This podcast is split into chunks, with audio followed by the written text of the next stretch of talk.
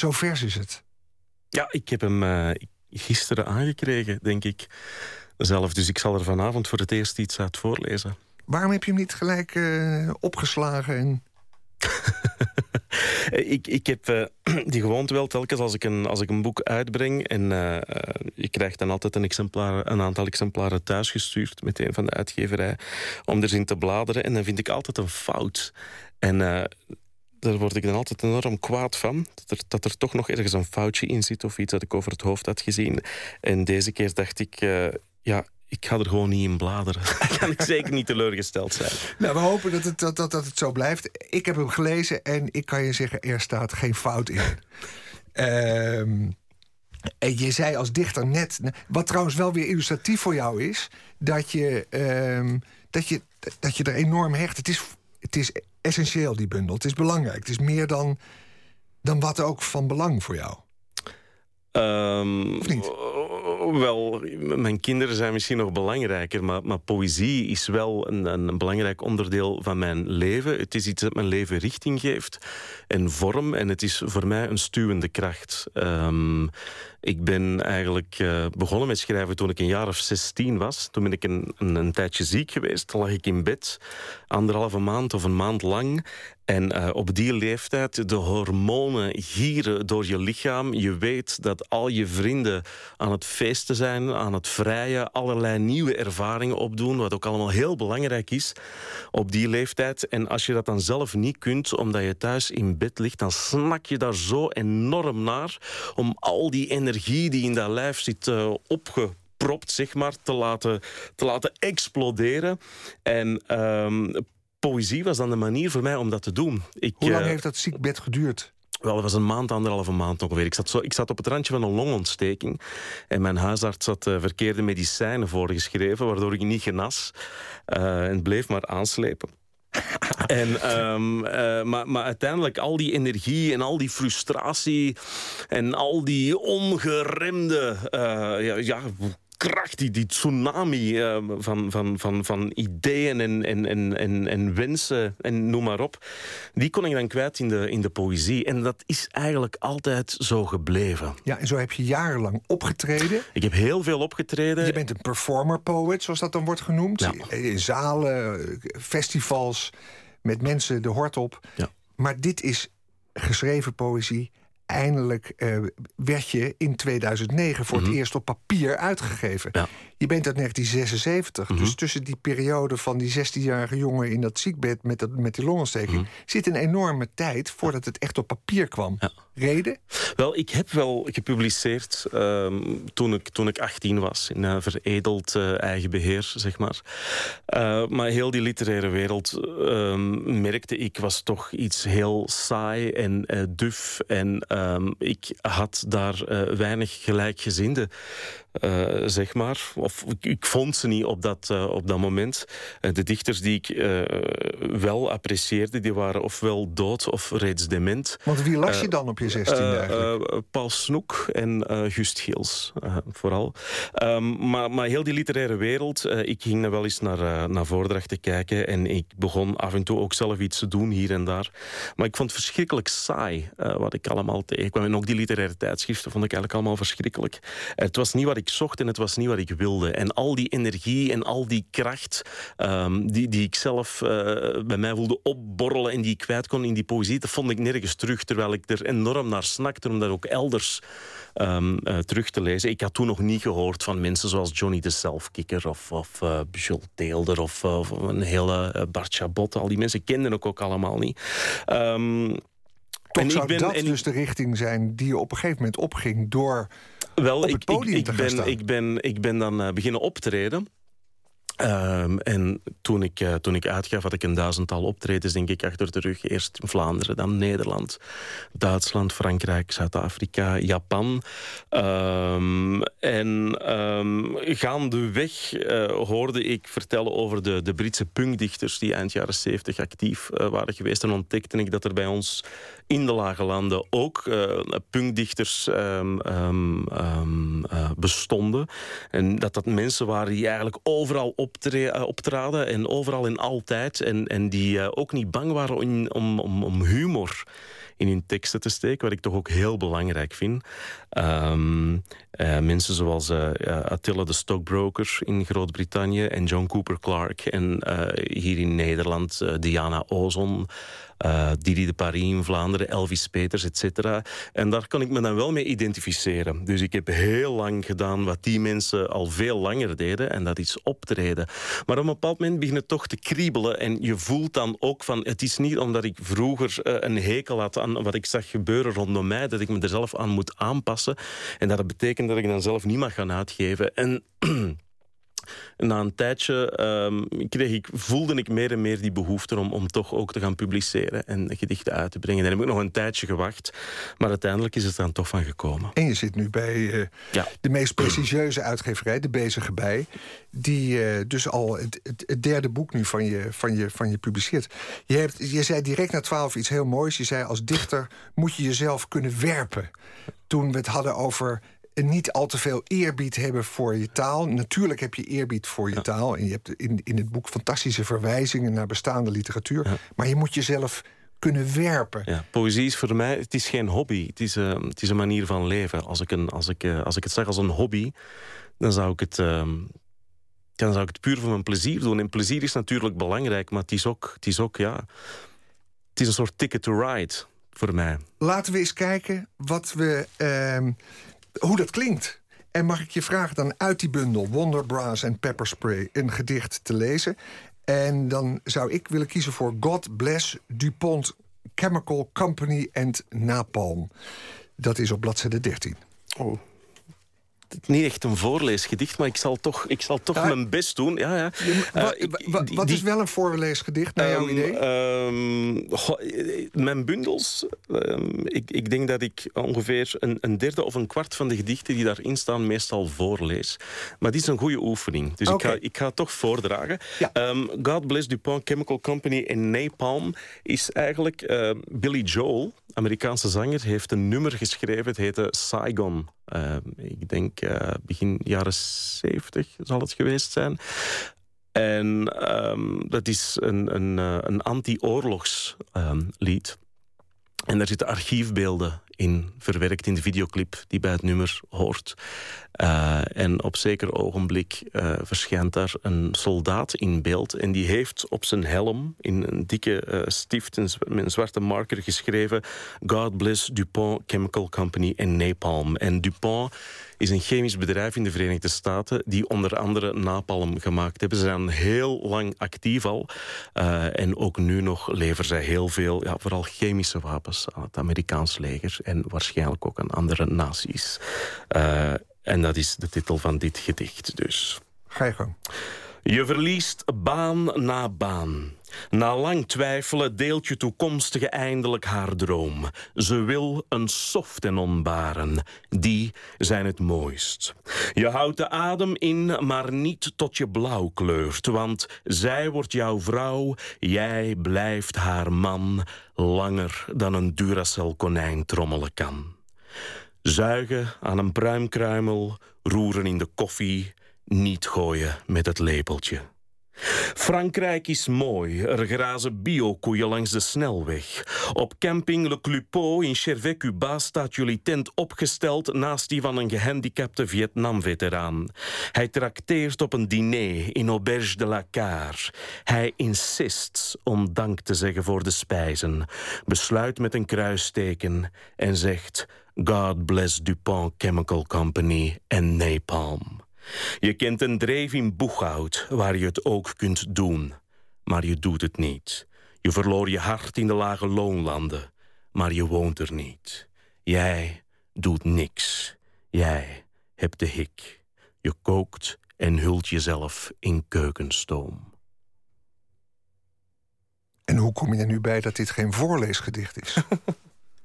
Uh, omdat ik uh, gevoelsmatig eigenlijk teksten kies die ik, die ik voorlees. Dus ik schrijf ze en ik, ik spreek ze altijd eh, hardop uit... Um, terwijl ik ze aan het schrijven ben om te horen hoe ze klinken. En... Wat het voorlezen betreft voel je dan uh, automatisch altijd meer affiniteit met, uh, met bepaalde teksten. Ehm, wat niet wil zeggen dat je die andere minder geslaagd vindt, maar, maar, maar dat je er gewoon minder eh, comfortabel bij, bij voelt om ze voor te lezen op een podium.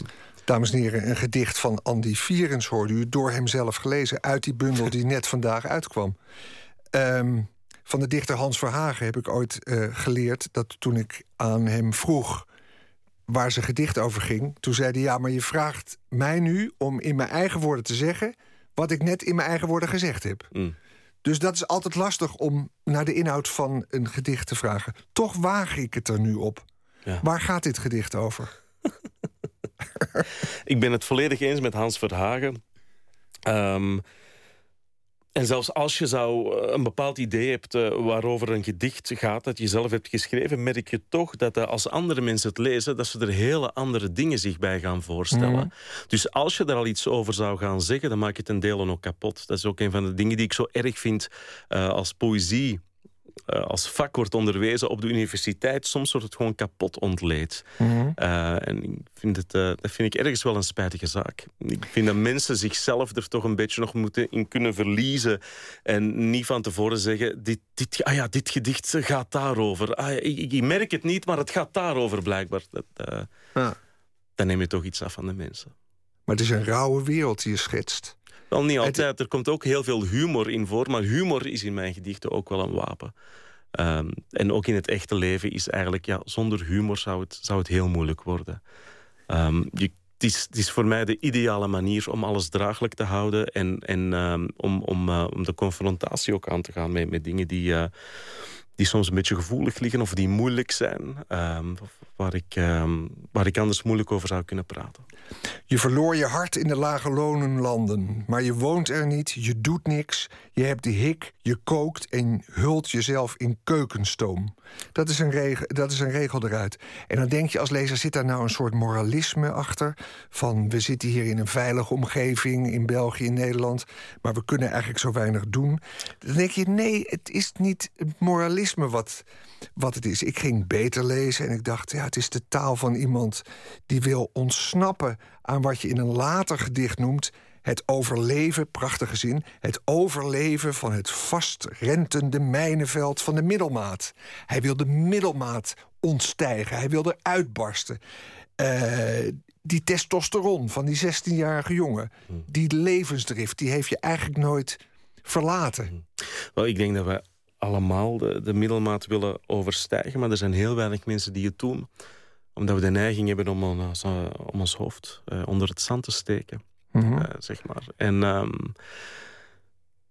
ja, en wat, voor, wat versta je daaronder? Het hoofd onder het zand steken? Dingen niet willen zien die je wel ziet? Wel, het is, het, het, ja, onder andere, wel, het is, het, is, goh, het is enerzijds, we willen zoveel en we doen het niet om, vaak omdat we niet durven. En omdat we met een idee zitten, wat zullen andere mensen wel van ons denken? En ook uh, in, in, een, in gedicht als dit, waarvan je zou kunnen zeggen, het misschien ook een beetje een anti-oorlogsgedicht is, dat we weten dat er bepaalde problemen zijn en dat er dingen spelen. En uh, we weten eigenlijk niet hoe we ze moeten aanpakken en hoe we ermee moeten omgaan. En we doen dan maar niks. Nee. Ik had gisteren een, de volgende ervaring. Ik had NRC Handelsblad zitten lezen in de zon. Ik voelde me heerlijk. Het was een vrije dag. Ik keek uit naar een mooi interview met een fijne dichter. Ik las NRC Handelsblad en ik las eerst uh, Arno Grunberg over Congo. Die zei: Ik ben daar uh, situaties tegengekomen van hongerende eh, kinderen in erbarmelijke situaties. En ik begreep nu de naties die mensen willen vernietigen, want het is misschien de enige oplossing van alle ellende. Op datzelfde moment zei mijn vrouw tegen mij: Weet je dat 80% van de Egyptische vrouwen genitaal worden verminkt? En even daarna las ik een stuk in datzelfde NRC Handelsblad over drones. Een jongen die spijt had omdat hij op afstand uh, mensen vermoord had en misschien wel kinderen.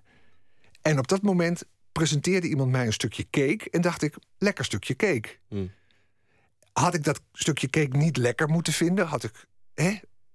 Eigenlijk ook wat jij schetst in al jouw poëzie is de wereld die op je afkomt via allerlei media en tegelijkertijd de veilige wereld waar je in zit en waar je ja, natuurlijk toch ook eigenlijk bijna tevreden over moet zijn dat je daarin zit. Hmm. Is dat de kern van wat je schrijft? Eigenlijk zou ik jou moeten interviewen, want je hebt zoveel interessante dingen te vertellen. Um... Maar ja, dat overviel me doordat ik met jouw bundel bezig was. Mm. Dus wat dat betreft is het jouw verdienste. Simon Vinkenhoek zei ooit, er is maar één gebod. En dat gebod is, gij zult genieten. En ik denk dat heel belangrijk is dat ondanks al die negativiteit uh, die er is, um, uh, waar je soms wel iets aan kunt doen en soms ook niet, dat je zeker niet mag vergeten om, om zelf te genieten en van het leven een feest te maken. Want ik denk dat dat aanstekelijk werkt. Uh, en door er zelf heel de tijd, ja, um, mag ik nog van dat stukje cake genieten, vroeg, vroeg je. -huh. Ik denk, ja, absoluut. Absoluut. Want jongens, toch, het, het, stel dat ik de tafel ernaast zit en je zit er dan met een, met een beteuterd gezicht uh, het, uh, het cakeje op te eten. Dat, is, dat werkt even aanstekelijk. Dat is even besmettelijk als, als proberen toch een, uh, een, een, vorm van optimisme te behouden. En het is altijd, of heel vaak, in mijn gedichten, um, niet in alle gedichten, maar wat toch ook regelmatig terugkomt, is uh, doorgaan en, en, en er tegen vechten, te, tegen die verzuring, soms tegen beter weten in. Je hebt in een van de gedichten heb je het over de besten van mijn generatie. Wat natuurlijk een knipoog is naar Allen Ginsberg, de ja. Beat Generation man. Die, uh, ja, waar deed hij eigenlijk een oproep toe? tot uh, niet meedoen aan de kapitalistische samenleving. Mm-hmm. Is dat wat de Beat Generation tekende? En jouw generatie dan, dacht ik. Wat typeert jouw generatie? Um, het, is, het is moeilijk te zeggen. De tijden zijn natuurlijk ook veranderd. Toen, toen, was je ofwel eh, heel burgerlijk, of, ofwel was je een hippie, of was je, een beatnik. En nu, er komt zoveel op ons af. Er zijn zoveel verschillende dingen waarin je je kunt verliezen. Um, ik heb het gevoel dat, het, dat mijn generatie wel getekend wordt door de vlucht. Je kunt in zoveel vluchten nu. Um, en, en, en dat het ons, of, of dat het voor veel mensen een excuus is om niet meer te moeten nadenken omdat er in de wereld zoveel dingen gebeuren waar ze geen antwoord op weten. Mm -hmm. was en je moet ook niet per se een antwoord formuleren. Dat is denk ik ook een fout, dat we per se op alles een antwoord moeten hebben. Maar je moet dingen wel kunnen, kunnen inschatten en aanvaarden. En, uh, en desondanks toch doorgaan. Ik denk dat dat heel belangrijk is. Je kunt niet alles veranderen, maar je moet het ook wel tegelijk soms kunnen, kunnen accepteren om verder te kunnen gaan. En proberen er toch iets moois van te maken. Want jij leest dan eh, in het gedicht, ik heb het nu ik heb het apart opgekrabbeld, de beste van mijn generatie. Mm -hmm. uh, even verder in dat gedicht schrijf je, ja, die beste van mijn generatie lopen ieder weekend het gras te maaien. Ja. Die genieten van hun grasgazonnetje. Ja, Veel van die wereldbestormers die ik vroeger kende, zijn ondertussen brave huisvaders geworden. En het is eigenlijk. Uh een verwijzing daarnaar. Ja, ik heb en... zelf geen tuin, dus ik hoef het gras nooit te maaien. En dat keur je dan toch eigenlijk een beetje af. Daar ben je moralistisch over. Ja, omdat het ook zo makkelijk is. Het, het is... Het is uh, um, ja, iedereen wil natuurlijk wel een makkelijk leven, maar dat is, uh, dat is de vlucht. Mm -hmm. En je mag nooit... Ik vlucht zelf ook soms, we vluchten allemaal wel eens. Maar je mag, nooit, je mag er nooit mee instemmen.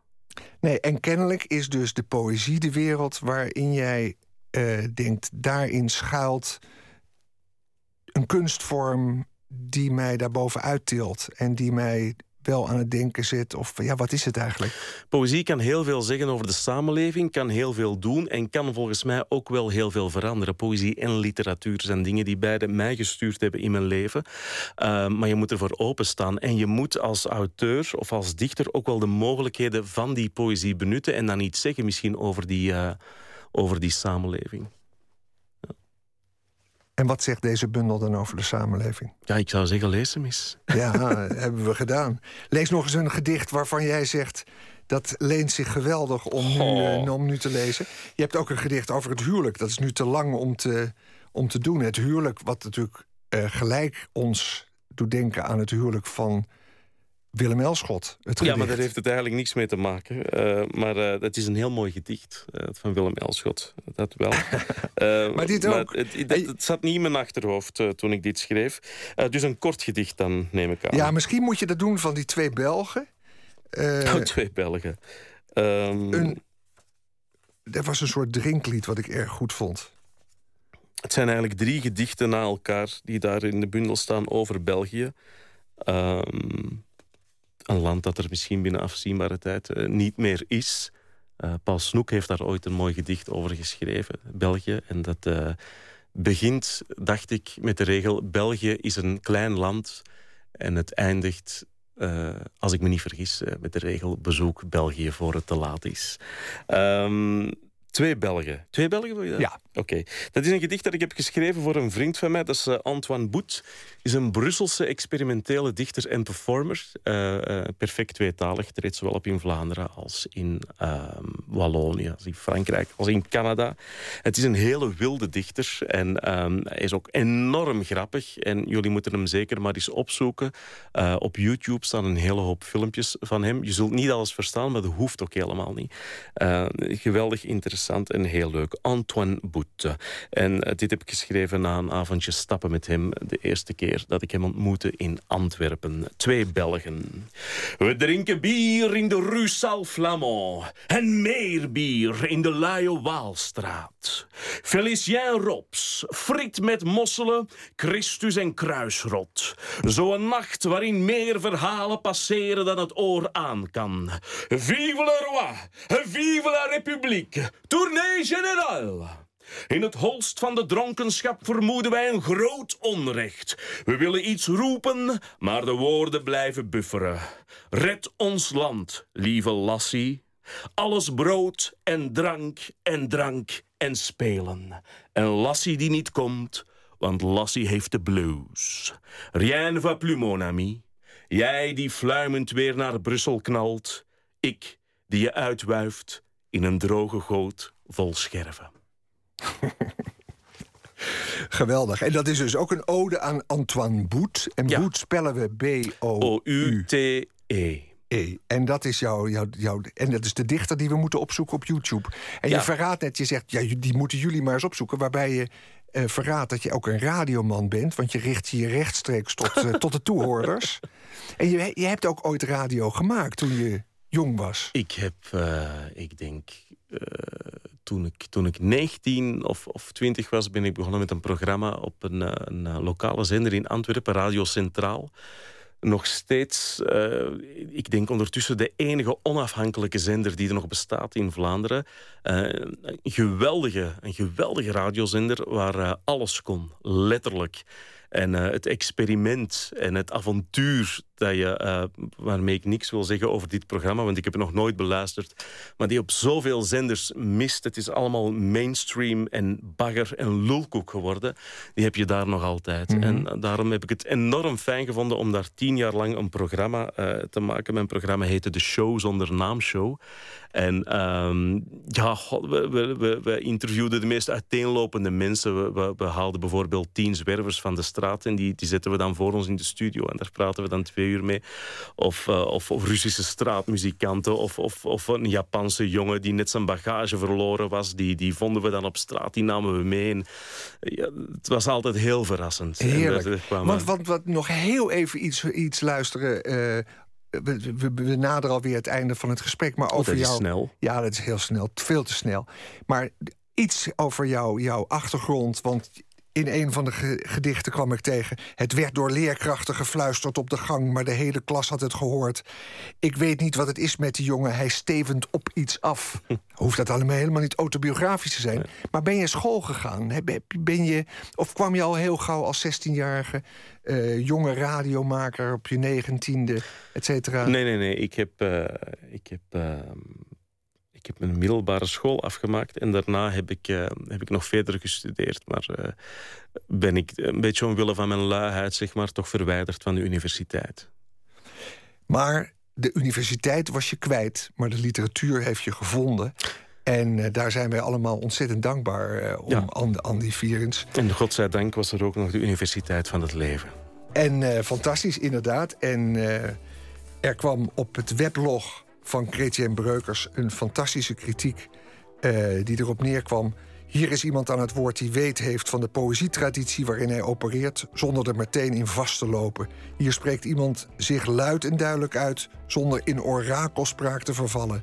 Hier zien we een hedendaagse dichter aan het werk die het modieuze schuwt, maar toch heel modern is.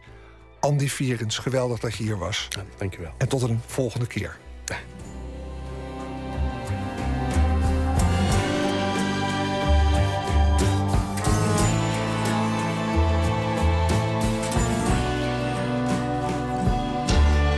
Radio 1, het nieuws van alle kanten.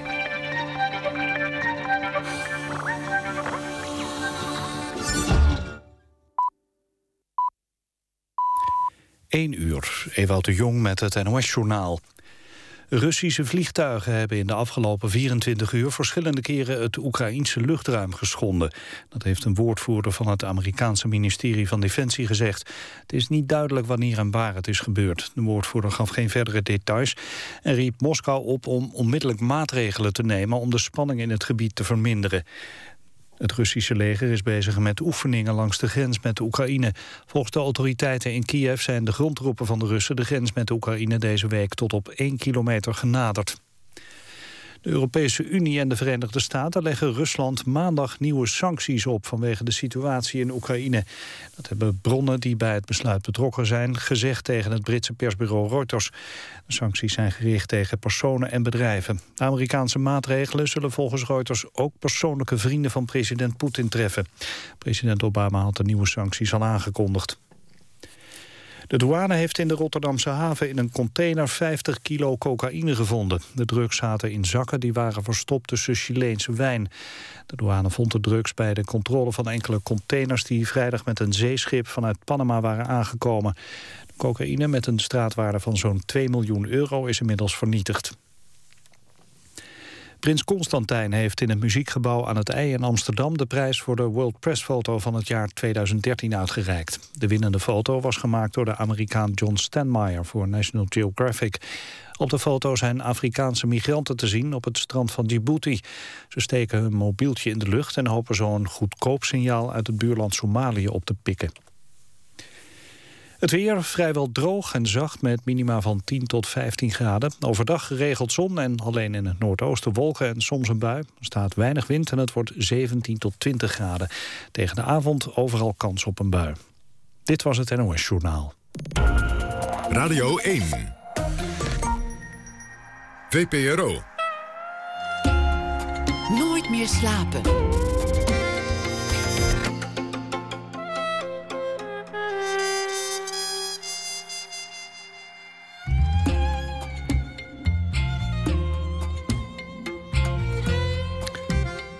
Welkom terug bij Nooit meer slapen. Wat brengt ons dit uur? Straks nemen we een kijkje achter de schermen bij een optreden van Marco Borsato. Wie zijn eigenlijk de mensen die hem muzikaal begeleiden? En hoe is het om altijd in de schaduw van die ene grote man te staan? Kunstkritica museumdirecteur Anne Meester gidst ons in de wereld van de beeldende kunst. En we zullen praten met acteur Gijs Scholten van Aschat over zijn aandeel in de nederhorrorfilm De Poel. Maar we beginnen dit uur, zoals gebruikelijk, met een schrijver of dichter die reageert op iets wat er in de wereld is gebeurd. En deze week doen we dat steeds met schrijver Jan van Mersbergen. Debuteerde in 2001 met de roman De Grasbijter. Daarna volgden boeken als De Macht over het Stuur. Morgen zijn we in Pamplona en zo begint het. En hij brak door natuurlijk met de carnavalsroman Naar de overkant van de nacht in 2011. En inmiddels is verschenen de laatste ontsnapping. Maar daarover allemaal niet. Jan van Meersberg, goeienacht. Ja, goeienacht. Er schiet hier net een kat weg voor mijn voeten. Weet je, ik sta in, uh, in Brabant, in Aspen sta ik. Is heel donker, ja. En ik heb natuurlijk een stukje voorbereid, heb ik bij me. En dan ga ik zo doen. Maar je staat dus in de buitenlucht? Ik sta in, uh, in Brabant in de buitenlucht. Ja, er rijden wat auto's hier. En er schoot dus net een kat weg. Uh, ze hebben gegierd vandaag. Gegierd, aha. Dat betekent poep op de velden. Ja, dat ruik je dus, ja. ja. Juist. Ja. En uh, is dat een lucht die jou bevalt? Dat ken ik heel erg van vroeger, ja. Dat ken ik heel goed. Ja. Ja, want dat is echt een zeer uiteenlopende ervaring voor mensen. Je hebt, men, je hebt, je hebt de, de, de kakhaters en de ja. mensen die daar wel pap van lusten, zal ik maar zeggen. Nou, het is niet zozeer dat je het haat of dat je het echt uh, lief hebt, maar ik ken het. Dus dat is een soort van uh, neutraal. Ja. Nou ja, neutraal. Het zal je doen, doen terug, terugdenken naar, naar je geboortegrond. Nou, dat, ja, dat ook niet, niet helemaal. Valt wel mee. Soms, soms dan, dan fiets ik daar weer doorheen. Want ik zat altijd op de fiets vroeger. En dan, en dan maar het is geen verlangen. Het is geen verlangen terug. Nee, dat niet. Nee. Je hebt ook voor vandaag een tekst geschreven en je staat daar nu. Hoe, is- hoe, is- hoe, hoe, is het weer daar? Hoe moeten we je je voorstellen? Want er zijn ook Het buien hier- over. Het is hier denk ik zeker nog wel 20 graden misschien wel. Het voelt heel lekker. We staan met blote armen. En is er al iets merkbaar van het feit dat er, een, eh, dat er sprake is van een Koningsdag of iets? Nee, helemaal niet. Helemaal niks. Twee mensen hadden vanavond van de groep een oranje shirt aan, maar dat was het verder wel. Ja. En bevalt je dat of stelt je dat een beetje teleur als carnavalsliefhebber? Oh, dat maakt me niks uit, want de Koninginnedag is echt de grote tegenhanger van het carnaval. Kijk, de Koninginnedag in Amsterdam is, is wel een groot ding, maar daar valt nog heel veel in, in, in te winnen. En ze kunnen nog heel veel leren van, eh, van het carnaval hier in het zuiden. Wat is Ja. de belangrijkste les die, die, die geleerd kan worden?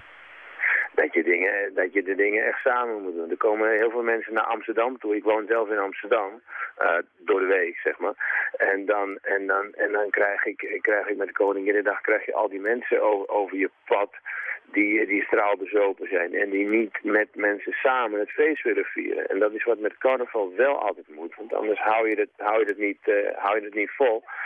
En, en dat is heel belangrijk. Ze zouden eigenlijk met de Koninginnedag moeten zeggen tegen de mensen van neem nou een kleedje mee en wat oude spullen en ga nou met die vrijmarkt meedoen in Amsterdam. Maar, maar dat gebeurt nooit. Want er wordt gezegd tegen mensen, ja, er staat daar een groot podium met 538 en dan zuip je jezelf helemaal vol. Dat is een beetje de sfeer die geschapen wordt. En ze moeten natuurlijk zeggen tegen de mensen, kom nou gezellig vrijmarkt doen. Dat doe ik met Oh jee. En toen verbrak de verbinding met Jan van Meersbergen. Misschien kwam er weer een kat voorbij, misschien viel zijn telefoon op de grond. Maar hij is verdwenen. En ik zie nu dat er verwoede pogingen worden gedaan om, eh, om hem alsnog terug te bellen. Maar misschien moeten we een plaat draaien. En dat is dan van de Eagles. Seems like no one is surprising anymore. It's not that I'm ungrateful, I'm just a little bored. Show I'm self sufficient, blah blah, independent. Truthfully, I got some space, I want that man to fill it. Don't need another friend, let's say for instance. And as a rule, I don't believe, don't do long distance. So I'm looking for a sailor or an arson expert. Someone I can tell them. I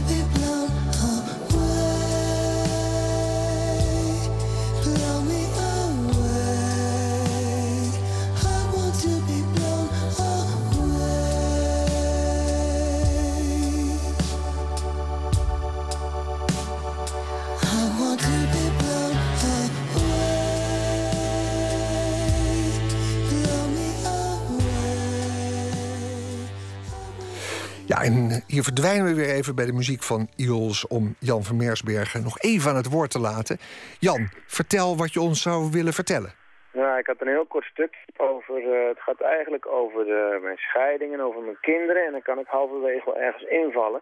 Het gaat erover dat mijn zoon heel goed laat zien dat er iets met hem is. En dat er iets met hem aan de hand is en dat hij zich zorgen maakt. Ga je gang. Mijn zoon denkt heel goed na over de dingen, want ik praat wel met hem. Maar de basis is toch dat hij boos is omdat zijn vader bij hem vandaan is. Hij heeft in mijn huis nu een stapelbed en gisteren kon hij niet slapen. Zijn zusje sliep al onder hem, ze snurkte en ik kneep in haar neus en ze ademde door haar mond. En toen was het minder. De straatlantaarn die scheen door het raam en ik had nog geen gordijnen. En mijn zoon riep me en ik zei, het komt allemaal wel goed.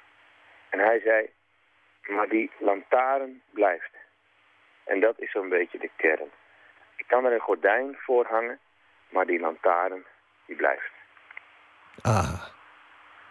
Daar gaan we verder geen woorden meer aan besteden. Dit was een goede tekst, Jan van Meersbergen. Dank je wel. En dank voor je bijdrage de hele week.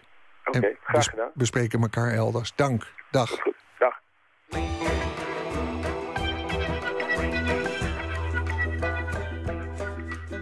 Ja, en dat nummer van Ios, dat houdt u van ons te goed voor een andere gelegenheid. Eh, want we gaan nu eh, de reportage de eerste reportage in dit uur laten te horen. En dat gaat over de band achter Marco Borsato. Niet veel Nederlandse bands kunnen zeggen dat ze regelmatig voor een publiek van tienduizenden mensen tegelijk spelen.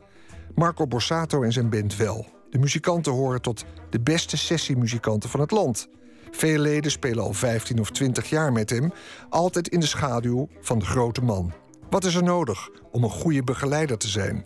Emmy Colau spreekt de band vlak voor een optreden.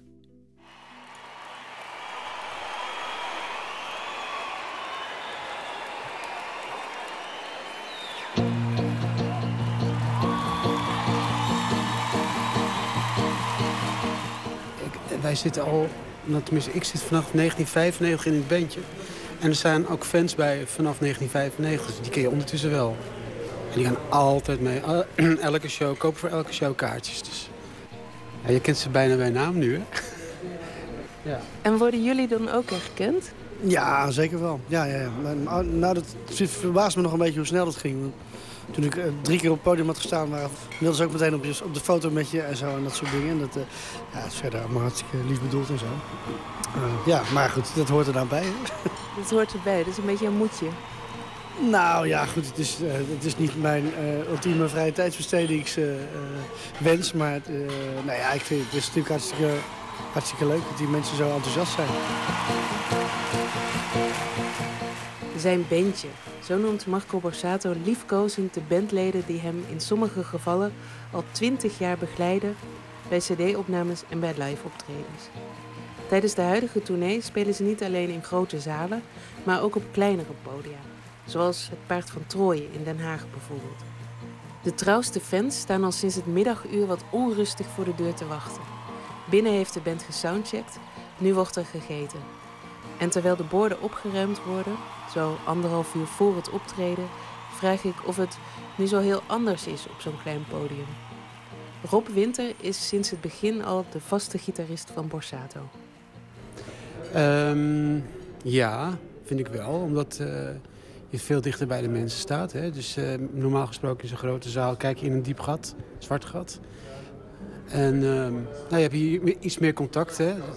Kan ook wel eens vervelend zijn. Als ze het niet zo heel erg leuk vinden, dan zie je dat ook. En dan hoor je dat ook. Maar ja, over het algemeen is het uh, ja, eigenlijk wel leuker. Stiekem. Kun je uitleggen wat het verschil is uh, tijdens het optreden op zo'n enorm podium, bijvoorbeeld in de Gelderdoom, en hier vanavond uh, in het Paard van Troje? Nou, in principe is er niet zo heel veel verschil. Je hebt je eigen instrument, je eigen apparatuur bij je het, weet je, het, het, het enige wat, wat zou kunnen, ja, is dat ja, zo'n zaal galmt iets meer.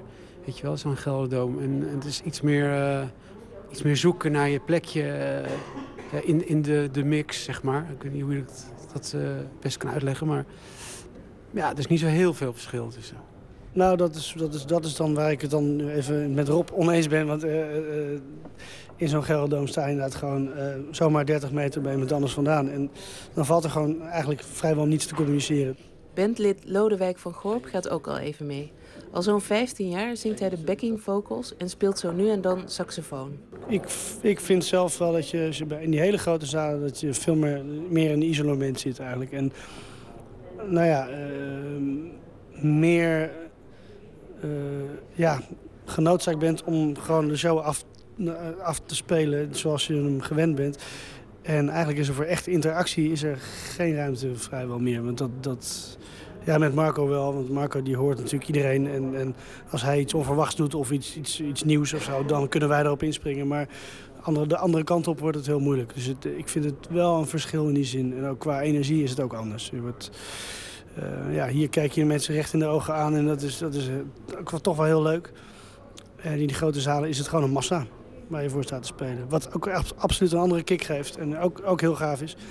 Maar ik, zelf ben ik meer, hou ik meer van die kleinere, kleinere shows. Arno Slijper is nieuw. Hij speelt vanavond pas voor de zesde keer mee als toetsenist. Een van mijn eerste cd's was uh, de, uh, de, nummers van Borsato. En ik had daar direct iets mee. Ik, ik had ook op een gegeven moment het idee van... ik wil voor mijn dertigste daarbij gespeeld hebben. Het is op twee jaar, la, het is op twee jaar na... Die anderen moeten lachen. Ja, nou ja, dat is... ik weet ook, iedereen heeft daar zijn eigen droom bij. Maar de, de, de dingen die ik speel, die vond ik bij de Borsato... bij de muziek van Marco, die vind ik daar heel erg goed tot zijn recht komen. En dat is eigenlijk wat ik graag wil spelen. En wat bedoel je dan? Je speelt toetsen? Ja, ik speel dus zeg maar, uh, behalve piano speel ik eigenlijk alle andere, zeg maar, je hebt een pianist en daarna speel ik alle orgels, strijkers, synthesizers. En dus de sounds, zeg maar. En dat is waar ook mijn hart ligt, wat ik het leukste vind om te doen. En, uh, ja, bij... Jij tovert die effecten en zo'n heel orkest uit jouw uh, synthesizer. Ja, want uh, bedoel, als je het op de plaat hoort, wil je het live ook horen. Dus dat, je kunt niet moeilijk een heel orkest gaan meenemen. Dus dan moet je daar iemand voor hebben. En ik vind dat heel erg leuk om te doen. En bij Borsato zijn die stukken daar heel erg... Toetsen zijn heel erg waardevol daar. En dat, dat vind ik heel erg mooi om te doen. De luidkeels meezingende fans, de stem van Marco... de inbreng van componist John Eubank de teksten waarin iedereen stiekem wel iets herkent. Maar het is zeker ook de band die voor een belangrijk deel die echte Borsato-sound bepaalt. De gitaar- en saxofoonsolo's, de ritmes, de koortjes. Spelen in een begeleidingsband is een vak apart. Ijdel moet je er in ieder geval niet voor wezen. Nou, het moeilijkste voor de meeste mensen, de meeste gitaristen die ik spreek, die dit soort dingen doen, uh, vinden ze het begeleiden vaak moeilijk, omdat je niet helemaal uit je dak kan gaan. En uh, hè, dus alles uh, kan laten zien wat je kan. Dus je moet je enigszins inhouden. Alleen bij Marco is het wel zo... en heb ik weer heel veel geluk mee... dat hij wil juist dat je het achterste van je tong laat zien. En, uh, maar goed, het begeleidend spelen, dat zou, ja, dat zou moeilijk kunnen zijn voor sommige mensen. Maar ja, ik vind het heel erg leuk om te doen. Dus. En inderdaad, vanaf 94 al, ja. 20 jaar, hè? 20 jaar vandaag. Ja, wat is er dan nog leuk aan, aan vanavond? Um, nou, optreden is altijd leuk. Weet je wel, dus uh, met elkaar. Dus het is een leuke groep mensen, dus daar kijk ik echt wel naar uit. En de liedjes zijn ook niet echt uh, dat je dat uh, even gapend met je ogen dicht doet. Er zitten best wel ingewikkelde dingen bij. Dus je moet wel echt gefocust blijven. En we houden elkaar ook scherp. Dus, weet je wel, het is, er komt veel meer bij kijken. Veel mensen gaan zingen omdat ze in het middelpunt van de belangstelling willen staan. Uh, dat is bij mij niet het geval geweest. Ik ben, ben als, eigenlijk toen ik nog saxofonist was, uh, fulltime... toen uh, zong ik af en toe een beetje. En toen ben ik op een hele wonderlijke manier in deze band terechtgekomen... omdat er net iemand wegging en net de drummer Ton Dijkman net mij had horen zingen ergens. En als blazer heb ik, had ik al wat theatertours achter de rug... waarin ik ook gewoon een, een, een sideman was eigenlijk. En die rol vind ik erg leuk om te doen. Ik, uh, ik hoef niet per se zo nodig uh, voorop te staan. En, uh, dus in die zin is het voor mij ook niet direct heel moeilijk om, om koortjes te zingen. Want ja, je, je maakt in feite een vocaal bedje voor de, de, persoon die ervoor staat. In dit geval Marco. En, en doordat ik bij Marco terecht ben gekomen... ben ik sindsdien ook door heel veel andere mensen... omdat je dan in de picture bent als backing vocalist. Uh, ineens uh, word je dan overal gevraagd. Dus binnen no time wist niemand meer dat ik saxofoon speelde. Dat is ook heel grappig. je, voor jezelf zorg je altijd dat je kleine uh, marge houdt om nog een beetje te improviseren. Want dat houdt het wel leuk. Hè? Want als je elke avond hetzelfde doet... Dus ik speel wel zeg maar een soort rode draad is hetzelfde. En daarbuiten varieer ik een klein beetje. Dus, en dat is echt om voor jezelf, als je heel veel speelt, om dat leuk te houden. En af en toe eens wat dingen te proberen die je thuis hebt bedacht natuurlijk. En krijg je dan geen boze blikken van Marco? Nee, helemaal niet. Nee, of je moet echt helemaal volledig uit je bol gaan met andere hè, dus maatsoorten. Of, dat, of de drummer die soms wel eens heel ingewikkeld de break slaat... dan, dan wil het wel eens in de, in de kleedkamer daarna even te sprake komen van nou, uh, relax. Maar dat gebeurt niet zoveel meer hoor. Dat was vroeger wel vaker dan nu. Nu kunnen we echt wel, uh, wel uitpakken. En dat, dat vindt hij ook leuk.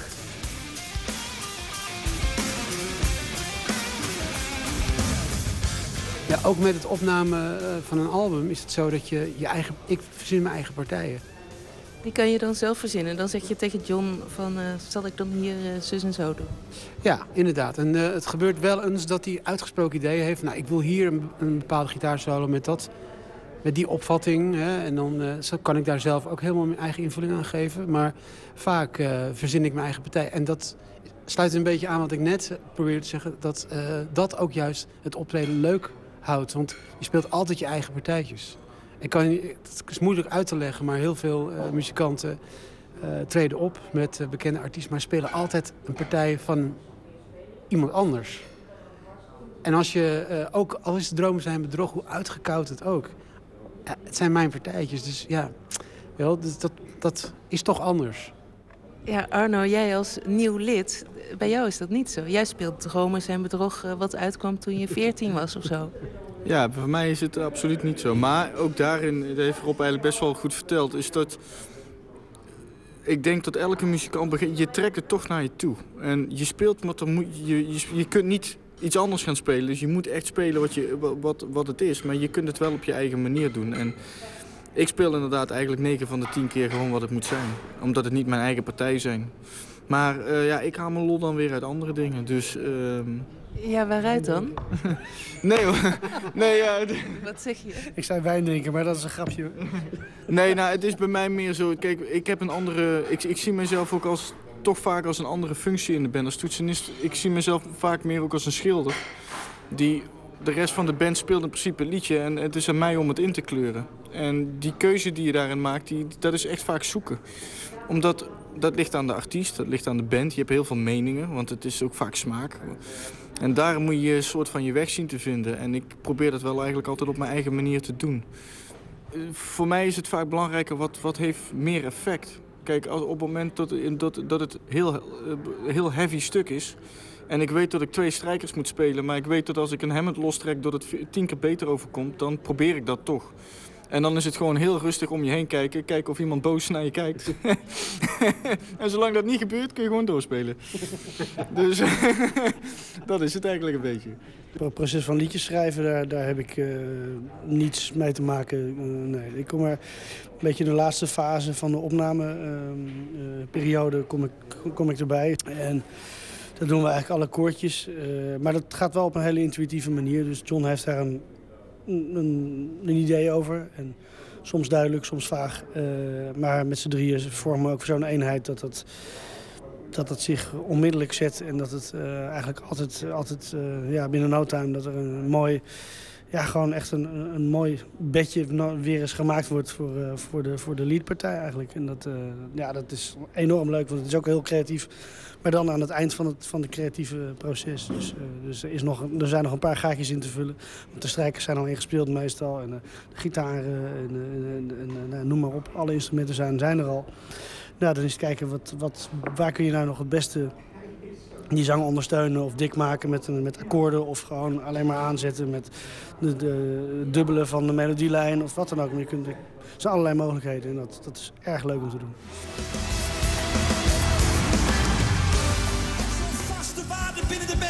Op gitaar, Rob Winter.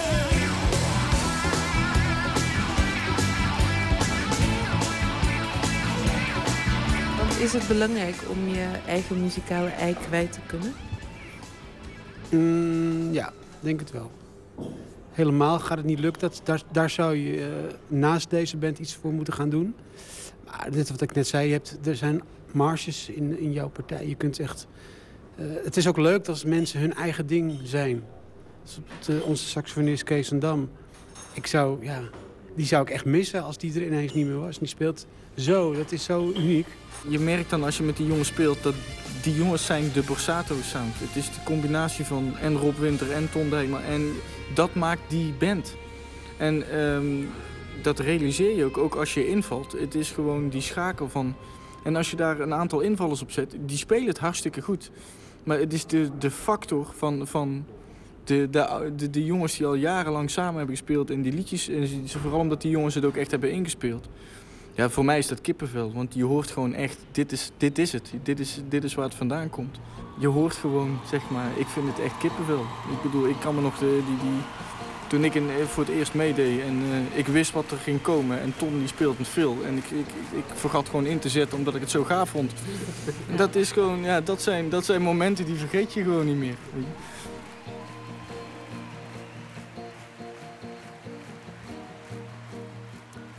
Duizend Spiegels van Marco Borsato toert nog door het land... en eindigt met een serie in de Ziggo Dome in Amsterdam. U hoorde een bijdrage van Emmy Colau.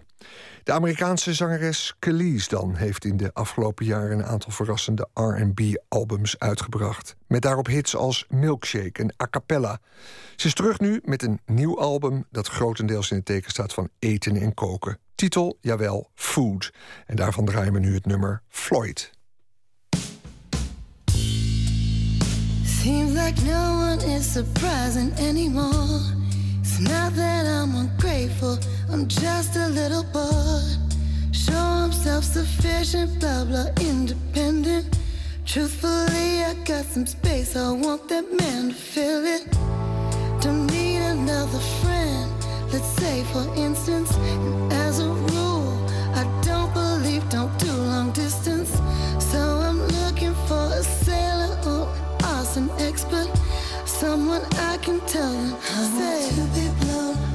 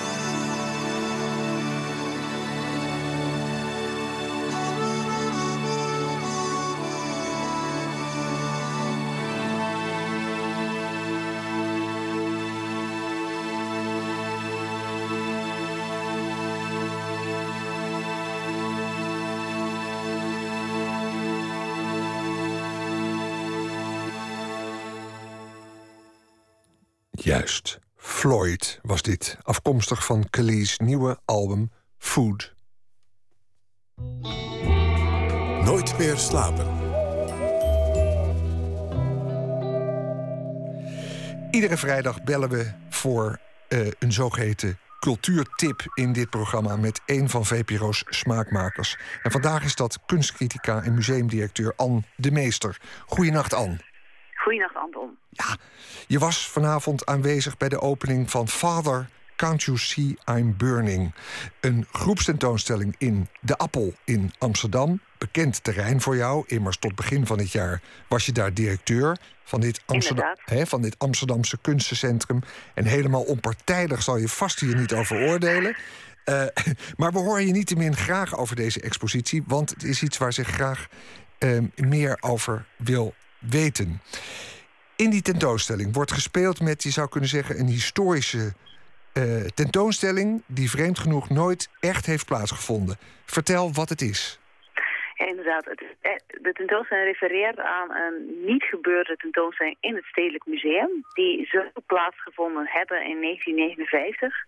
En dat was een tentoonstelling van een kunstenaarscollectief, de Internationale Situationisten. Dat waren eigenlijk een groep kunstenaars die zich van alle instellingen wilden losbreken. En zij geloofden heel erg in het feit dat je als kunstenaar vooral moest dwalen, vooral de, uh, de intuïtie moest opzoeken en vooral eigenlijk moest zoeken naar het echte leven. De situationist internationaal, zoals ze zich noemden, waar onder andere Constant ook een onderdeel van uh, maakte en uh, de Leuze, die hadden in 1959 een voorstel gedaan aan de toenmalige directeur van het Stedelijk Museum, Willem Sandberg, die eigenlijk te boek staat als een heel experimentele directeur. En wat zij in het stedelijk wilden doen, zij wilden daar een labyrint bouwen. En het labyrint zou het museum binnen moeten verbinden met de wereld buiten. Dus ze wilden een labyrint bouwen dat eigenlijk de wand tussen het museum en het echte leven doorbrak. En eigenlijk was dat, ook de houding van Willem Sandberg, hè? Die, die met zijn uh, Sandbergvleugel grote etalageruiten maakte...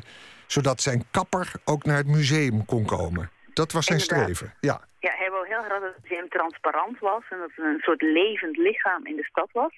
Maar vreemd genoeg uh, heeft hij dat voorstel van de situationisten toen eigenlijk een beetje afgeblokt. Het klinkt heel erg Nederland wat hij heeft gedaan. Want blijkbaar heeft hij toen gezegd van oké, jullie kunnen dit realiseren op twee voorwaarden. Namelijk dat ze externe financiering moesten zoeken. En dat ze de bouw van het labyrint in overleg moesten doen met de brandweer. Ja, maar hoe, ging dat, hoe, hoe zou dat labyrint eruit moeten zien? Ja, dat weten we eigenlijk niet. Er zijn een aantal schetsen en een aantal voorstellen, maar hoe dat precies er had uitgezien, daar is nu ook heel veel over. Want de curatoren van de tentoonstelling in de Appel, die hebben natuurlijk onderzoek gedaan. En dan zeggen de bronnen in het archief en de bronnen in het museum zijn heel andere dingen. De ene zegt van ja, er moest een soort wand doorbroken worden. En de buitenmuren, daar moest een gat worden ingeslagen. Anderen zeiden nee, dat was veel metaforischer. Het idee was dat je het zou suggereren dat er een gat was. Maar in elk geval is het zo dat het heel vreemd is dat een uh, directeur als Sandberg, die we allemaal kennen als... dat is het groot voorbeeld voor het museum. Iemand die alles durfde, alle conventies naast zich wou leggen.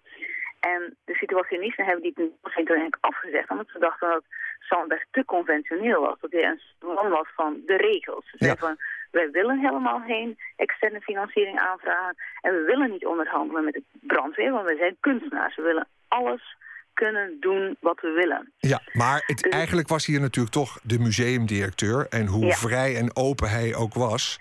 ja, hij was toch de directeur en moest ook redelijk blijven, toch? Inderdaad. En dat is denk ik wat het mooie is aan die situatie van iemand die we kennen als een grensoverschrijder. Dat hij uiteindelijk ook een heel redelijk man was. Die dacht van ja, ik run een museum.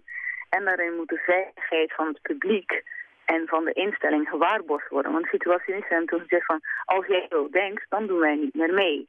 Dus die tentoonstelling is nooit gebeurd en is daardoor een soort fantasma geworden. Een soort idee geworden van dat kunstenaars eigenlijk binnen het museum nooit kunnen doen wat ze willen doen. Dat ze altijd gevangen zijn in het museum. Dus dat het museum, hoe vrij en experimenteel het ook is... dat het altijd een soort gevangenis is. Juist. Dit, dit, dit was dus de achtergrond van een expositie die er niet kwam... en waar trouwens wel prachtige schetsen bijvoorbeeld... van Constant Nieuwenhuis zijn overgebleven... die volgens mij in de Halle in Haarlem heb ik die eens een keer gezien. Ja, ja waren on- onlangs in een tentoonstelling in de Holland te zien. Ja. Maar dat is eigenlijk ook het mooi, dat wij een soort heel geïdealiseerd beeld hebben van het verleden. Of een heel geïdealiseerd beeld van hoe experimenteel kunstenaars waren in de jaren 60. Hoe experimenteel directeuren waren in de jaren 60. Maar de realiteit was een stuk pragmatischer. De realiteit was dat er misschien net zo weinig mogelijk was toen als nu. Ja, maar wat is er nou vanavond gelanceerd in de Appel in Amsterdam, dus niet in het Stedelijk Museum? Wat kunnen we daar gaan zien? Ik kan eigenlijk de tentoonstelling zien die heel weinig te maken heeft met de situationisten. Want eh, het, dat is de paradox.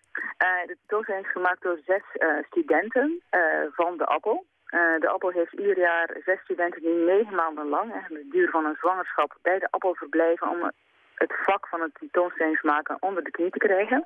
En dit zijn dit jaar zes dames, die zijn afkomstig uit Argentinië, Slowakije, Libanon, Italië, Polen en Ierland. En die hebben die, die onmogelijkheid van tentoonstelling eigenlijk aangegrepen om iets te maken in de appel dat aan de ene kant heel abstract is. Ik denk heel veel mensen die het gaan bezoeken denken van wat heeft dit te maken met eh, de situationisten. En aan de andere kant, het is eigenlijk een soort gedicht op zichzelf. Een gedicht op zichzelf. Ja, ik denk dat dat is nu een beetje iets waar ik zelf ook mee worstel als museumdirecteur. Dat kunst aan de ene kant is eigenlijk heel hermetisch. We verwachten altijd dat het een verklaring is van de wereld.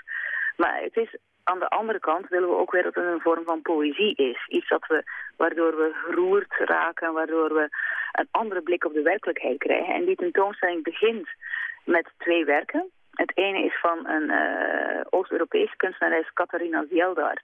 En het andere van een andere Oost- Oost-Europese kunstenaar, eh, Robertas Narcas. En zij zetten de toon voor die tentoonstelling. Je ziet een soort, eh, een soort gaststelletje, eigenlijk bijna alsof je, je komt de tentoonstellingsruimte binnen. En je ziet een video. En dat is een video van allemaal eh, immigranten die Nederland binnen zijn gekomen als asielzoekers. En die proberen heel erg een bepaalde songtekst uit hun hoofd te leren. Ja. Mag, ik, Eh. mag, ik, mag, ik, mag ik vragen om tot slot één beeld te schetsen van die expositie eh, dat er nu bij jou is blijven hangen? Ja, wel dat ene beeld is misschien een werk van een Amerikaanse kunstenaar, Michael Portnoy.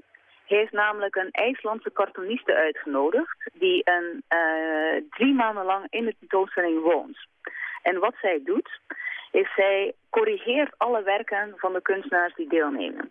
Dat klinkt een beetje abstract, maar zij zit en woont dus in de tentoonstelling. En iedere dag verzint ze verbeteringen op de bestaande kunstwerken.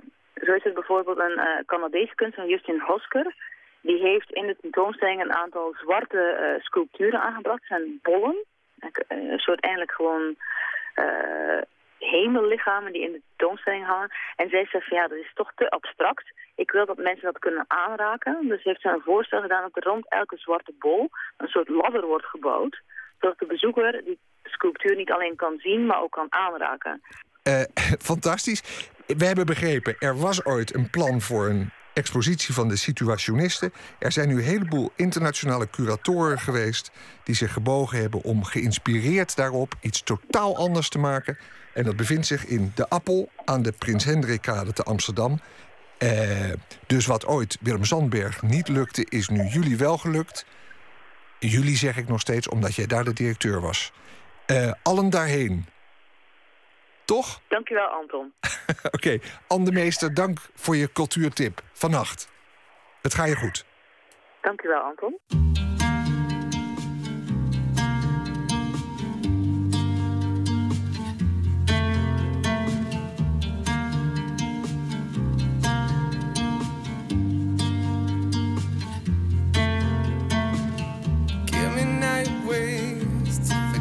About.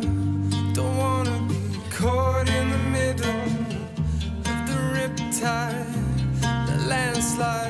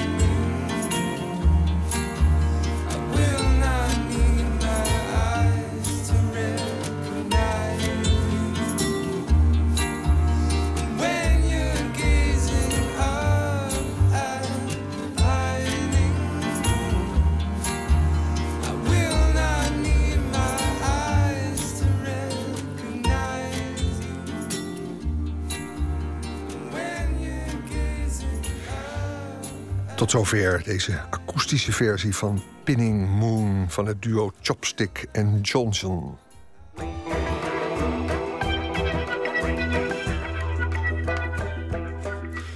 Het is een opvallende naam op de aftiteling van De Poel. Gijs Scholte van Aschat.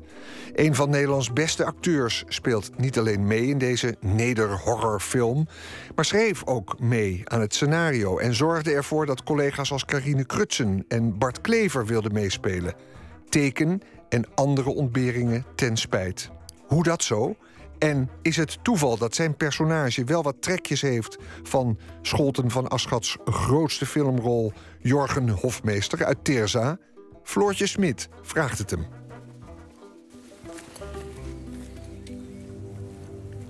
Slasher en zombies, nou daar ben ik niet van.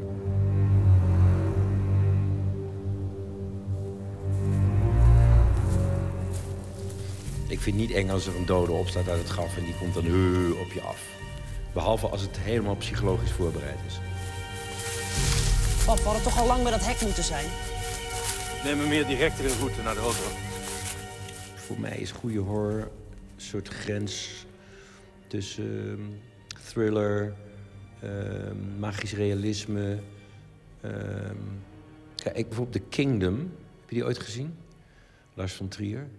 Dat vind ik eigenlijk een soort magisch realisme, ook horror. Vond ik ook eng. Kreeg ik een naar gevoel van. Geweldig vond ik dat.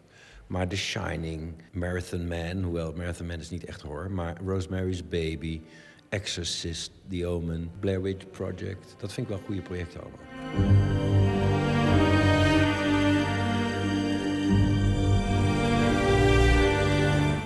Toch, moet ik wel eerlijk zeggen, ik had jou niet bij zo'n eh, horrorproject verwacht, jouw naam.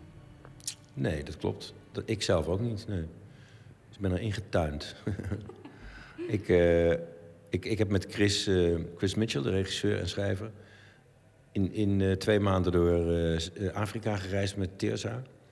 En toen zijn we vrienden geworden. En toen zei hij, ik heb een script, wil je dat lezen? En toen zei hij, het is wel horror. Toen zei ik, nou, maar, laat maar, want ik hou er zei nou, lees het nou. Toen las ik het en toen zei ik, ja, maar ja, kijk... Weet je, dit vind ik niet goed, dat vind ik niet goed, dat vind ik niet goed. Ik zou... En je moet voor... En toen zei hij, ja, ja, nou oké, ga, doe maar. En toen, twee jaar verder, hadden we een script en toen opeens eh ging het door. En toen zei hij, ja, nou, nou ga je de hoofdrol spelen. Dus ik kon geen kant meer op. Kun je kort vertellen waar het verhaal over gaat? Het verhaal gaat over eh, twee families. Aan het hoofd van die families zijn twee mannen, twee bankiers... die allebei ontslagen zijn in de crisis. En altijd mooie vakanties hebben gehad. En nu eh, op een houtje moeten bijten en met hun gezinnen... eh, hun, hun puberkinderen in, in Nederland, in een natuurgebied... wild gaan kamperen. Ze, ze knippen eh, een hek door en, en gaan in een verboden terrein. Een natuurreservaat waar eigenlijk niemand mag komen. En daar gaan ze kamperen aan een pool. En het blijkt dat ze daar niet meer weg kunnen en dat er van alles gebeurt.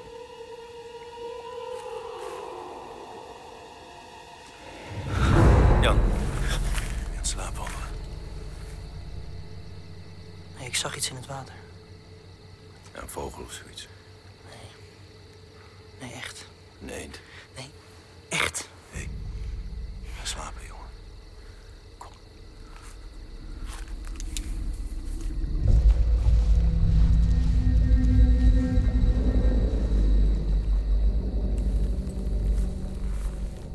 Chris had een, een, een, een folk, folktale, Jenny Greenteeth. Dat is een bekend verhaal in Engeland. Wij kennen dat niet. Een, vrouwtje wat leeft op de bodem van een, eh, van een, van een meer en, en, en kinderen nou, grijpt. Weet een soort, soort de, de oude Hans eh, Andersen eh, verhaal. Dus toen, toen hij me dat verhaal vertelde, zei ik... oké, laten we eens kijken wat we daarmee kunnen doen. En toen ben ik, ben ik gaan researchen... en toen heb ik van allerlei... heb ik een soort verhaal wat zou kunnen gebeurd zijn. Ehm, het verhaal wat ik vond... is dat je, dat je in, eh, in, in, in het oosten van Nederland... heb je tijdens de eh, Spaanse overheersing... eh, de, is er... Is er is er een heel dorp afgeslacht door de Spanjaarden. En al, alle vrouwen en kinderen zijn in zo'n van daar geflikkerd. En, en jarenlang was dat een, no-go area voor de dorpelingen daar in buurt. Want dat, dat was behekst eigenlijk door de geesten van die mensen die daar vermoord waren. Het had met ketterijen dingen te maken. Ik zei, kijk, dat is een goed verhaal. Daar, kunnen we wat mee. Dat, dat, daar kan je iets bij voorstellen. En, en, en dan, en toen raakte ik wel op... eh, nou is dat uiteindelijk, is het ook weer niet in de film... is het geschrapt en gedaan. Dus de film is weer totaal iets anders geworden. Zo gaat dat. Eh, maar, en, en toen ben ik voornamelijk met Chris aan het personages gaan werken. En we hebben het veel over, ook over de Griekse mythologie gehad. Vader, zoon, eh, moord. ehm, zoon moet afrekenen met zijn vader om iemand te kunnen zijn. Nou ja, eh, ontrouw, eh, jaloezie, ehm, eh, waanzin, mannelijk falen wat afgereageerd wordt op de familie. Nou ja. En, en, toen, en toen vond ik het heel erg leuk worden. Toen werd het zo'n intellectuele horrorfilm waar je eigenlijk van houdt dus. Ja, dat probeerde ik in ieder geval. Ik bedoel, het kan eh, absoluut niet meten met al de voorbeelden die ik net genoemd heb. Maar laten we zeggen, het was een, een, een poging om, eh, om, om dat te doen. Ja. Ja, meteen, meteen. Gaat het? Gadverdamme.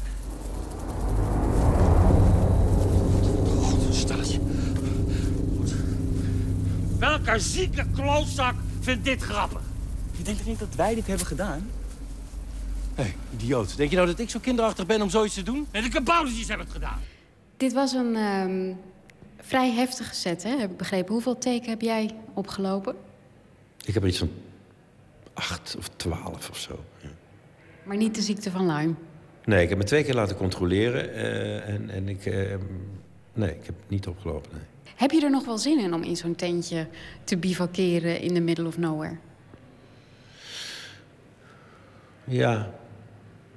Soms dacht ik dat ook wel. Waarom doe ik dit eigenlijk? Ik verdien er niks mee. Ik bedoel, er is geen eer aan te behalen. Tenminste, dan, nou ja, goed. Weet je wel, het is... Het is maar ja, ehm, het is ook... Je moet er gewoon af en toe dingen doen omdat je iemand leuk vindt. En ik vind Chris Mitchell een ontzettend leuke man. En ik, ik wou heel graag hem helpen dit te verwezenlijken. Maar ik moest wel mijn vrouw overtuigen dat ik eh, een maand eh, op de hei ging zitten. Heb je, want doordat jouw naam aan dit project ehm, is gekomen, heb je het waarschijnlijk ook een eh, stuk geholpen. Ja, ja, ja, dat, ja. Nou, in ieder geval hielp het, laat ik het zo zeggen. In ieder geval misschien iets voor de financiering. En ik heb met de cast ook geholpen. Met, omdat de mensen... Ja, ik ken Karine, ik ken Bart. Dus ik had wel een lijstje met mensen die ik kende. Ik zei, nou, kijken wie er zo gek is om met, met, met ons mee te doen. En dat helpt dan wel, ja. Maar dan steek je wel je nek uit voor iets waarvan je eigenlijk heel weinig grip hebt op het eindresultaat. hè? Is dat niet eng? Ja, maar ik heb ook wel tegen de mensen gezegd die ik ermee zei... luister eens, ik weet het niet, ik doe het. We- het. Het kan geweldig worden, het kan kloten. Je weet het niet, weet je wel. Het is een avontuur. Daar moet je zin in hebben. Garantie tot aan de deur. Eh, en dat is natuurlijk ook zo. Je kan, maar zelfs was het een film van 10 miljoen geweest, weet je wel. Ik heb genoeg films gezien die 6 miljoen hebben gekost. En je kijkt ernaar en je denkt, ik wil er nog een dubbeltje voor geven. Dus daar, daar, daar, daar staat of valt het niet bij. Wat ik het fijne vond, ik heb best veel horror gezien. Het fijne aan deze uh, film vind ik dat, het een, um, dat de personages zo echt zijn. Nou, dat is ook wel iets waar, waar, waar, waar ik wel heel hard en Chris ook wel heel hard aan gewerkt hebben. Is aan de ontwikkeling en aan de. Uh, zodat alles wat ze zeggen, het gevoel hebt dat dat alleen door hun gezegd kan worden. Uh, en, en daar helpt het misschien dat ik heel veel toneel heb gedaan en toneelstukken heb geschreven waar, waar, dat wat, waar het wat makkelijker is om te zeggen: uh, het is character-driven in plaats van plot-driven. En met character-driven dan is het plot iets minder belangrijk, maar het karakter moet iets doen en die doet dat. En de reden dat het karakter het doet, moet duidelijk zijn. Of in ieder geval hoeft niet altijd 100% duidelijk zijn, maar je moet in ieder geval geloven dat hij het doet. En, en eigenlijk bij alle acties van alle personages geloof je wel. Je begrijpt ze misschien niet altijd, maar je gelooft het wel, volgens mij. Hoe creëer je dat soort personages? Als je dat moet uitleggen aan iemand die op dit moment een horrorfilm aan het schrijven is, waar moet je aan denken? Als je dat wil bereiken, bedoel je? Als je gewone personages wil hebben? In plaats van de hysterische maag met het strakke shirtje en... Nou, ik denk dat je ze voornamelijk gewoon een heel goed uh, verhaal mee moet geven. Waar komen ze vandaan? Wat doen ze? Hoe staan ze in het leven? Uh, en probeer, mm, probeer ze... Uh, probeer ze dus in een situatie te laten komen... waarin zij dingen moeten doen die voor hun niet gewoon zijn. Maar daarvoor moet je ze eerst gewoon zien. Het is... Uh, je ziet pas een, een, een, een rode vlek op de muur... een bloedspat op de muur... als je eerst de muur wit hebt gezien. dus op het moment dat je al met een hysterisch karakter opkomt... of een karakter waar je denkt, wat dat nou voor... ja, dan, dan denk je, ja, dat had ik wel verwacht. Maar je moet dus mensen in een situatie brengen. Dat is natuurlijk wat, wat, wat Stanley Kubrick ook deed met, uh, met The Shining. Uh, die, die, die vrouw die totaal doordraait van Jack Nicholson. Uh, ja, die moet je eerst toch een beetje gewoon neerzetten. Niet meteen hysterisch maken. dus dus ik, ik denk dat dat de clue is. Geef ze een goede backstory. maak het mensen van vlees en bloed. En zet ze dan in een situatie die ze niet aankunnen. Nou, dan, dan, dan, dan wordt het leuk. Denk je dat papa hem doordraait?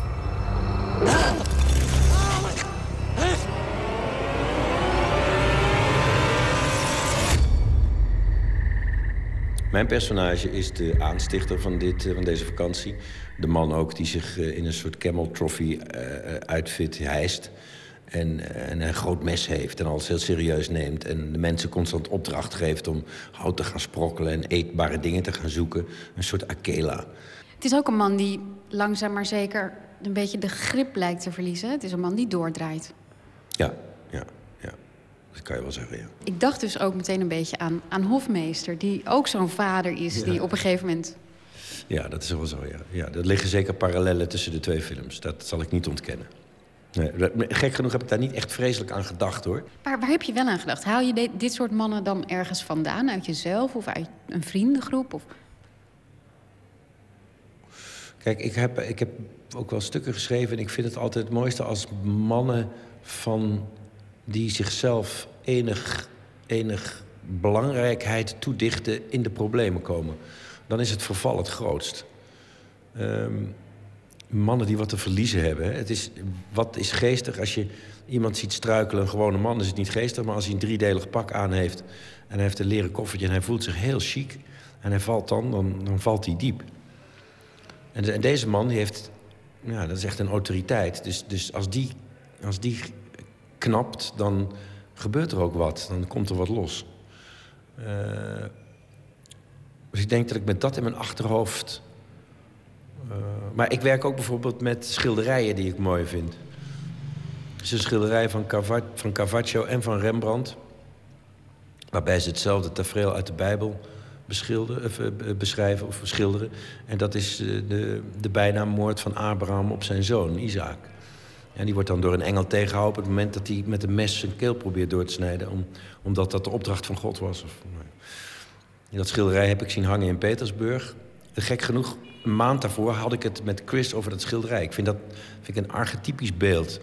Dat zou ik wel in een horrorfilm willen zien, dat beeld.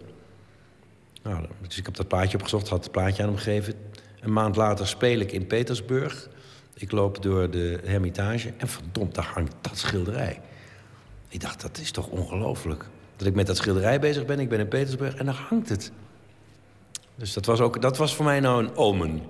Ik dacht, zie je, dat is, dat, we zitten op de goede weg. Deze man is bijna een soort symbool voor de, voor de, eh, de man, de, de, vijftiger... die een beetje de weg kwijtraakt. Hè. Ze hebben een familie, ze hebben alles keurig op orde... en dan verliezen ze alles. Um, en dan, dan knapt er iets. Je ziet ze wel vaker. Ja, je ziet ze vaker. Ja. Het gekke is dat, dat uh, de film komt uit... en een weekend daarvoor uh, vermoordt een bankier zijn hele gezin. Het is bijna angst, angstaanjagend.